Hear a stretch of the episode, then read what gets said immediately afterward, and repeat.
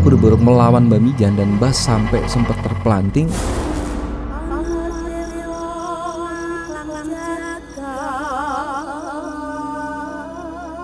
Selamat datang Agadan Sista di The Demit Dengar-dengar misteri bersama Mbah Mijan Iya.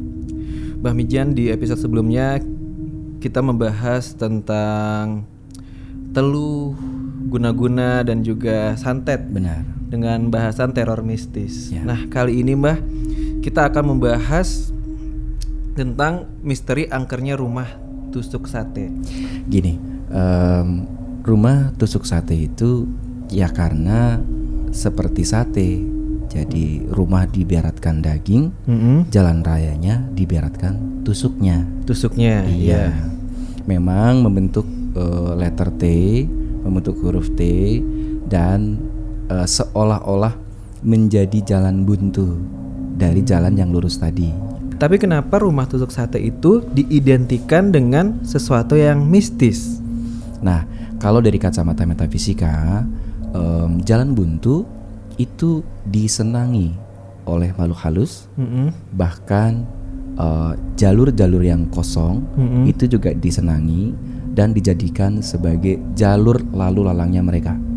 Hmm. Iya. Dis- Jadi kalau rumah tusuk sate kan seolah-olah itu buntu karena ditutup oleh rumah Mm-mm. yang seharusnya jalur itu masih menembus ke belakang lurus tapi eh, tertahan oleh bangunan. Hmm. Mbah sendiri sebagai eh, praktisi spiritual dan Ya. juga metafisika mbah Hmm. atau kita sebut paranormal. Pernah nggak sih mbah eh, menangani rumah-rumah berhantu mbah? Sebenarnya sering dan kita coba kembali ke topik bahwa Mbah pernah juga eh, mengusir makhluk halus yang ada di rumah tusuk sate. Oh gitu ya. Gimana Ya. mbah ceritanya mbah? Em, waktu itu em, Mbah itu dikabari sama klien katanya Mbah saya mau beli rumah. Ah, dia nih mau beli rumah. Mm-mm. Tapi rumah itu udah kosong, udah kosong lama. Katanya sih udah kosong sampai 40 tahunan. Dan itu posisinya ditusuk sate. Kira-kira kalau aku beli bahaya atau tidak? Mm-mm. Lalu ya kita tidak boleh menantang hal-hal yang berbau mitos lah. Kalau misalnya memang belum yakin ya jangan dibeli. Iya. Akhirnya tapi saya saya suka dengan dengan ya bangunannya, suka dengan tanahnya yang memang cukup luas katanya. Iya. Atau kalau Mbak misalnya bisa eh, coba tengokin Hmm. gitu.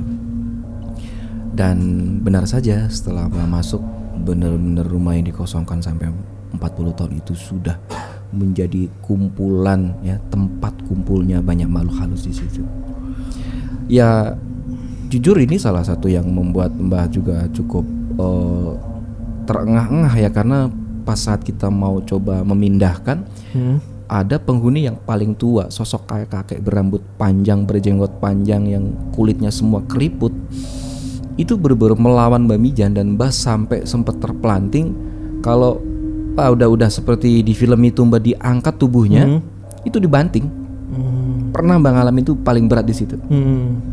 Tapi pada akhirnya Mbak percaya bahwa manusia eh, punya derajat yang lebih tinggi, diciptakan lebih sempurna dari mereka. Ya walaupun dalam kondisi terkopoh-kopoh, ya Mbak berhasil mengusirnya. Hmm. Tapi tidak bisa eh, apa ya, tidak bisa 100% ya Hmm. memagari. Jadi cuma sekedar saya pindahkan. Hmm. Kamu kalau mau pindah nanti aku siapin tempat yang lebih nyaman. Hmm. Cuma sekedar itu. Jadi nggak bisa mengusir yang secara paksa. Karena memang eh, selain tusuk sate udah dikosongkan cukup lama. Itu yang membuat benar-benar mengerikan sekali. Mengerikan sekali. Tapi ada nggak sih mbah eh, dari sekian banyak rumah yang berhantu dan mbah usir hantunya gitu. Terus ada salah satu hantu atau makhluk halus yang memberikan pesan ke mbah gitu yang sampai sekarang tuh mbah nggak bisa lupain gitu mbah. Ada Em, Mbak kayaknya baru-baru saja juga Mbak datang ke sebuah rumah kosong. Hmm. Jadi ada seorang pembeli tanah, kemudian tanah itu didirikanlah bangunan dan ditinggal begitu saja. Oh. Katanya pemiliknya ada di luar Jawa. Hmm. Nah, eh, kenapa Mbah diundang ke sana? Banyak warga sekitar yang merasa diganggu dengan suara-suara jeritan, jeritan wanita, kadang teriak, kadang menangis, suara tangisan anak-anak katanya. Bahkan em, beberapa warga sering sekali melihat ada penampakan wanita yang keluar masuk rumah tersebut. Hmm. Akhirnya Mbah datang ke sana dan Mbah menemukan sebuah misteri yang sangat pilu bahwa sebelum rumah itu dibangun em, ada tragedi seorang wanita muda diperkosa oleh banyak pria, kemudian dibunuh, ditusuk-tusuk tubuhnya dan disayat-sayat tubuhnya Hmm. lalu dibuang di semak belukar yang saat itu masih bentuknya pepohonan bambu. Hmm. Makanya ketika dibangun rumah itu benar-benar masih mengganggu. Nah di situlah ketika Mbak datang dia berpesan, tolong antarkan saya ke keluarga saya, Hmm. kata arwahnya ini, karena sejak dia dibuang dia belum menemukan jasadnya. Itu. Jadi eh, jasadnya sebetulnya dibuang di situ, Iya. tapi dari pengakuan arwahnya saya belum bisa menemukan jasadku dikubur di mana. Hmm. makanya itu masih di situ dan itu pesan yang pesan yang disampaikan ke Mbak akhirnya Mbak kirim doa karena itu kejadiannya sudah sangat lampau ya Mbak bilang. Wow lalam bisa awab tapi Mbak hanya bisa mendoakan. Mudah-mudahan kalian tenang mudah-mudahan kalian bisa menemukan eh, eh, makamnya. Seperti itu. Oke. Selain sebenarnya selain rumah tusuk sate, sebenarnya rumah biasa pun juga berpotensi ditinggali makhluk halus, bener kan, Mbah? semua makhluk halus memang sering sekali menempati rumah-rumah apa pun itu. Sebab kita Hmm. manusia dengan jin memang tidak ada dinding pemisah Hmm. secara logik secara mata eh, mata telanjang Mm-mm. boleh itu kita lihat rumah biasa Hmm. tapi secara pandangan metafisika buat mereka itu kan tidak pandang bulu Mm-mm. mereka bisa punya rumah di pohon besar mereka bisa punya rumah di gedung besar mereka bisa tinggal di rumah yang teridentifikasi tusuk sate Hmm. dan sebagainya Nah, ketika makhluk halus ada di rumah kita, Mm-mm. itu ciri-cirinya seperti apa, Mbah? Yang paling simpel buat eh, para pendengar setia Dedemit, Hmm. rumah itu kan istana kita.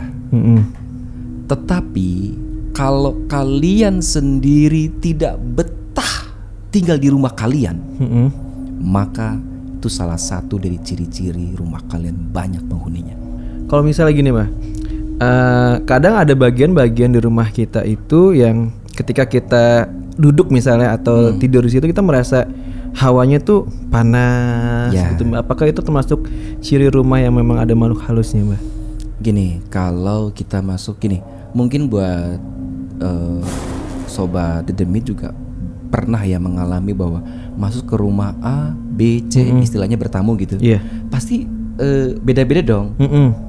Kok Betul, kalau betul, ke rumah itu dingin, ke Iya, rumah iya. ini kok agak panas, ke rumah ini agak hangat dan sebagainya. Tapi dengan catatan panasnya tuh yang panas eh, berangas. Panas berangas itu panas yang ber panas yang bukan bersumber dari matahari atau kelembaban atau mungkin Iya, iya, iya. eh, karena memang kedap udara gitu kan. Terus yang kedua adalah eh, senyap.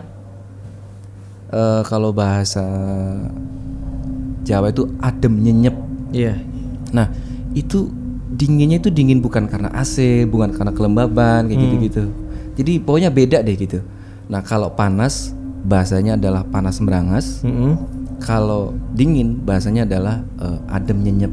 Itu ciri-ciri bahwa rumah itu memang ada penghuninya. Ada penghuninya. Tapi kalau panas biasa masih umum, masih wajar, dingin biasa karena mungkin AC kipas angin dan sebagainya, no problem. Oke oke mbak, ini saya mau nanya lagi.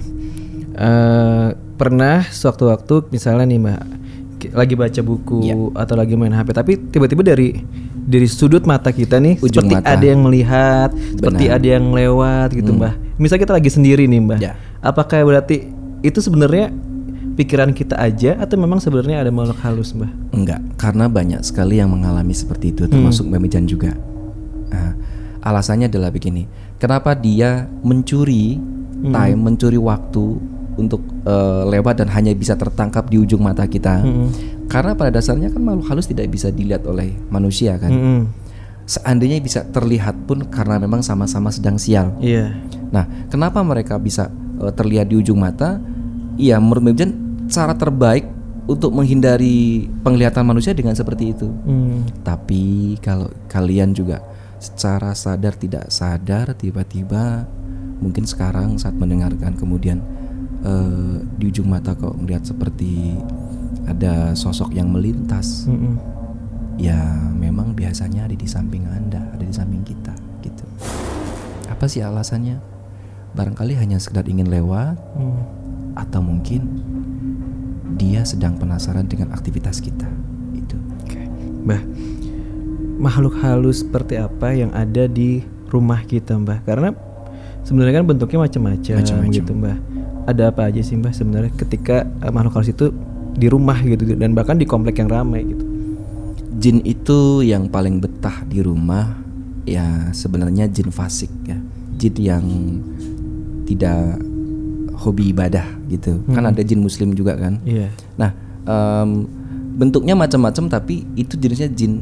Bentuk macam-macam itu hanya kamuflase atau bentukan ubahan dari jin itu. Hmm. Mungkin cuma dua jin tapi bisa berubah macam-macam macam-macam seperti itu. Kadang-kadang menyerupai penghuni rumah, kadang-kadang menyerupai nenek-nenek, menyerupai kakek, anak kecil dan sebagainya itu.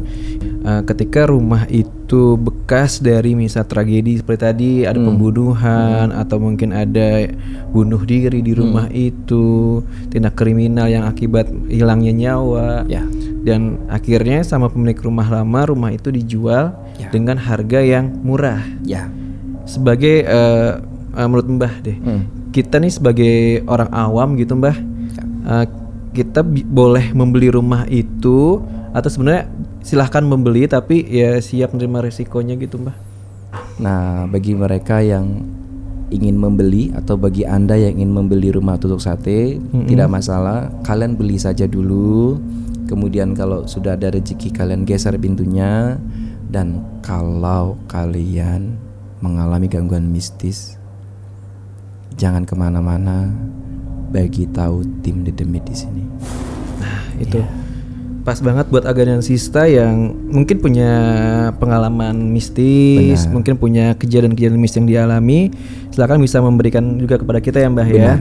Mungkin kita akan bahas untuk eh, kejadiannya akan dikupas tuntas sama mbah Mijan juga.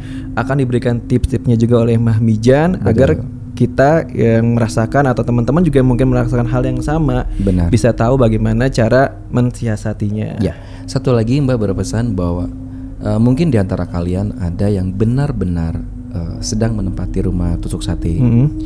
Catatan penting, kalau kalian tidak merasakan gangguan, tidak perlu mendengarkan ini.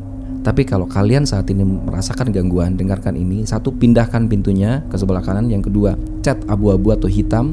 Yang berikutnya, coba tanam tumbuhan yang berwarna ungu. Boleh tebu ungu, boleh jambu ungu, boleh eh, tanaman lumbu yang ungu atau mungkin sirih ungu.